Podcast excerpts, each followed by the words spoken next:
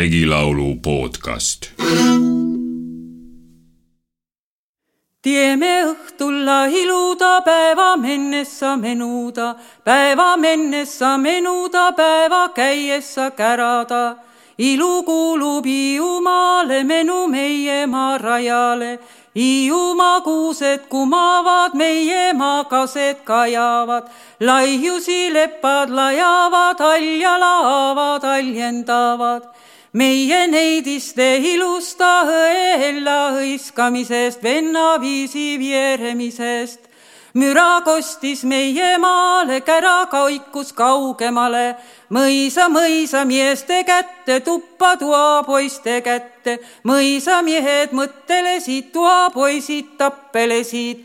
Kuule kullasta käguda, kuhu tema tulnud kukkuma ei, meie metsa helkima ei, meie laande laulema ei kukub meie koppelissa, laulab meie laanessa, paugub pikassa pajussa, sarapuussa sirgessa. oleks püssi, püüaks lindu, oleks võrku, võtaks neidu. Mina aga kuulsin vasta kossin, mina kuulsin vasta kossin oled sina hullu noori miesi, oled hullu või rumala, ega neidu püssil püüta, püssil püüta, võrgul võeta, linnud püssil püüetasse, vähid võrgul võetasse, kalad noadal nopitasse. Neidu püütas penningilla, ostetas hõbera alla, tahetasse talderilda vana vaske veeringilla. Laulu võimust ja väest on palju laule. üks tuntumaid Eestis on Kui mina hakkan laulemaia, siis jääb küla kuulamaia. kogu vald jääb vaatamaia. see muidugi tähendab, et laul on maagilise mõjuga.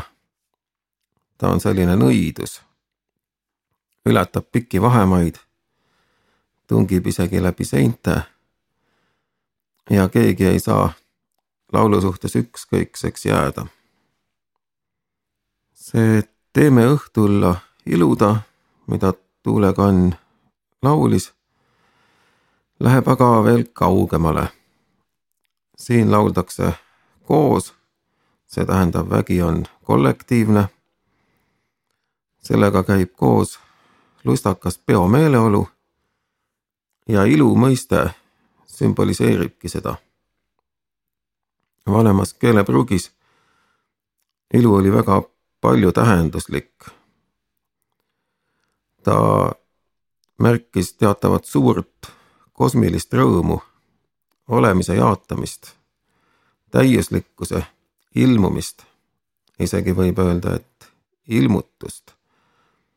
ja samal ajal on sellel sõnal tugev erootiline münt ilu on midagi sellist kutsuvat, salapärast, nõiduslikku. ta on seotud noorte viljakasse ikka jõudnud neidudega.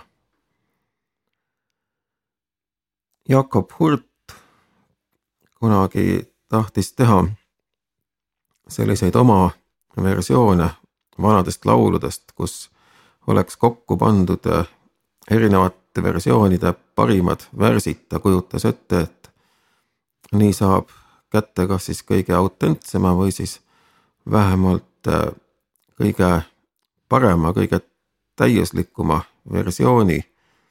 Ja avaldas tuhat üheksasada kuus kaks sellist laulu, üks neist oli Ilu sõitis jõge pidi, laulu laia välja pidi, hobu hoiatud eessa, regi tammine tagana sõnad sõelaga sülessa, laulud lõngaga kaelassa.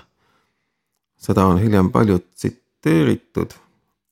Douglas Noor Eesti neljandas albumis avaldas ühe essee Kirjanduslik stiil aastal tuhat üheksasada kaksteist, kus seda laulu ka analüüsitakse, hiljem on ta avaldanud sellise kärbitud versiooni samast esseest, aga selles esmatrükis seal Noor Eesti albumis käsitlus on täitsa pikk ja huvitav. see on siis laul sellest, kuidas ilu, niisugune isikustatud kosmiline rõõm, sõidab kas siis jõge pidi, välja pidi, vankriga, reega, kuidas soovite, sõnad sõelaga sülessa, laulud lõngaga kaelassa. Ja talle puutub vastu inimesi, puutub vastu inimesi. nägin ekse, kuulun ekse, kes küll vasta puutun ekse. kord on see üks poistekamp, aga nende hulka ilu minna ei taha, kuigi nad kutsuvad. kas sa ilu meile tuled, kas sa tantsu meida tahad, siis on naised, need ka ei sobi.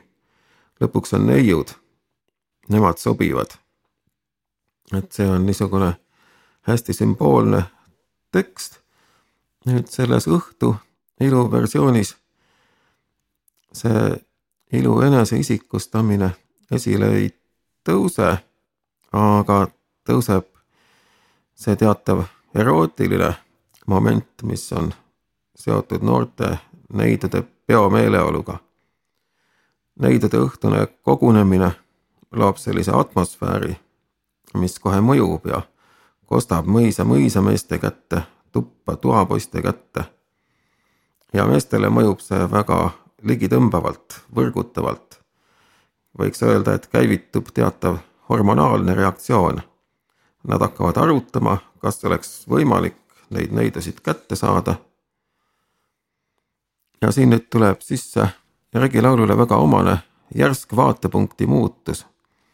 Laul oli alanud mitmuse esimeses isikus meie vaatepunktist. see meie ilmselgelt märkiski neid pidutsevaid neidusid.